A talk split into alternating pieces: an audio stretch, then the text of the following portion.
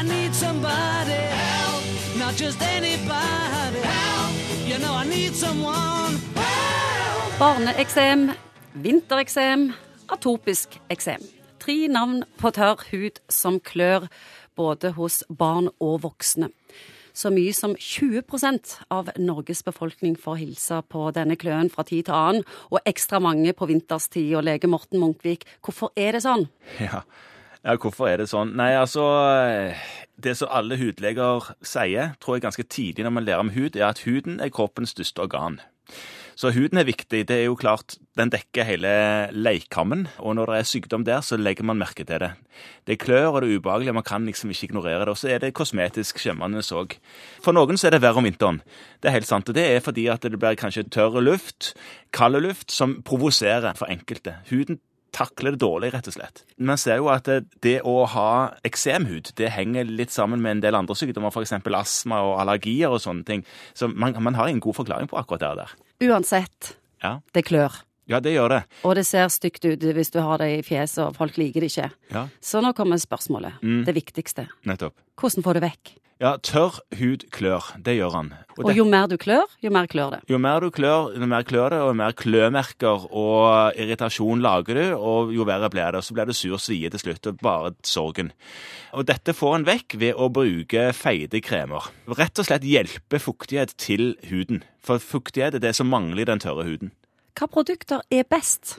Ja, nå er du inne på sånn kosmetisk marked som er vrient. Er for det er sånn jeg ser for meg Ja. at kunden står inne på apoteket Ja, ja, og bare. Eller på Hennes og Maurits eller et eller annet. Hva nå Ja. jeg skal kjøpe? Ja, ja, han gjør det. Apotekene er en god plass å starte, og mange apotekansatte har ganske god peiling på den typen produkter. Nå er det nylig, eller relativt nylig, kommet en del nye produkter på markedet som er reseptpliktige for de som har denne atopiske eksemen, som synes det er veldig, veldig bra. Så det kan du spørre legen om, og be om den nye middelet som er kommet. Det er en krem. Veldig god fuktiggjørende krem som ikke Steroidkrem eller Nei, det er ikke steroider. Det er en fuktighetskrem som inneholder litt forskjellige snacks-ting som ikke er steroider, som virker virker veldig bra, altså. Den får du på sånn halvliters dunk, den nye som vi snakket om, så du pumper nok i hånden, smører på deg morgen og kveld. Hele kroppen. Fins det ikke bare en pille som kan bedøve hele ytterste hudlaget, sånn at du ikke klør? Det, var, det er dumt å si nei, det, finnes, det, det er en pille for alt, nesten. Og den pillen der, den, den finnes òg, men du kan ikke bruke det til dette her, for det, det blir så mye bivirkninger med det. Steroider og sånne ting kunne brukt til å dempe litt av symptomene. Altså irritasjon hadde den hatt der fortsatt, men du har kanskje ikke merka så mye til det. Hvis du er unge Mm. og allerede har fått diagnosen atopisk eksem, Ja. Har du et budskap til de? De som har utgifter pga. dette, at de sliter klær pga.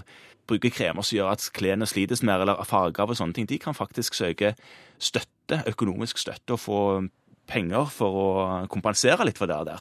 Og så er det de som har kontakteksem, og så er de i kontakt med forskjellige typer, kanskje litt sterkere kjemikalier, eksempelvis frisører med hårprodukter, eller eh, folk som jobber med betong og er i kontakt med betong og metaller i betongen ganske hyppig. Og de må noen ganger faktisk bytte yrke pga. dette her, så de må, må noen ganger omskoleres pga. sitt kontakteksem. Og det er jo Drit. ja, for å si det mildt drit, ja. Help me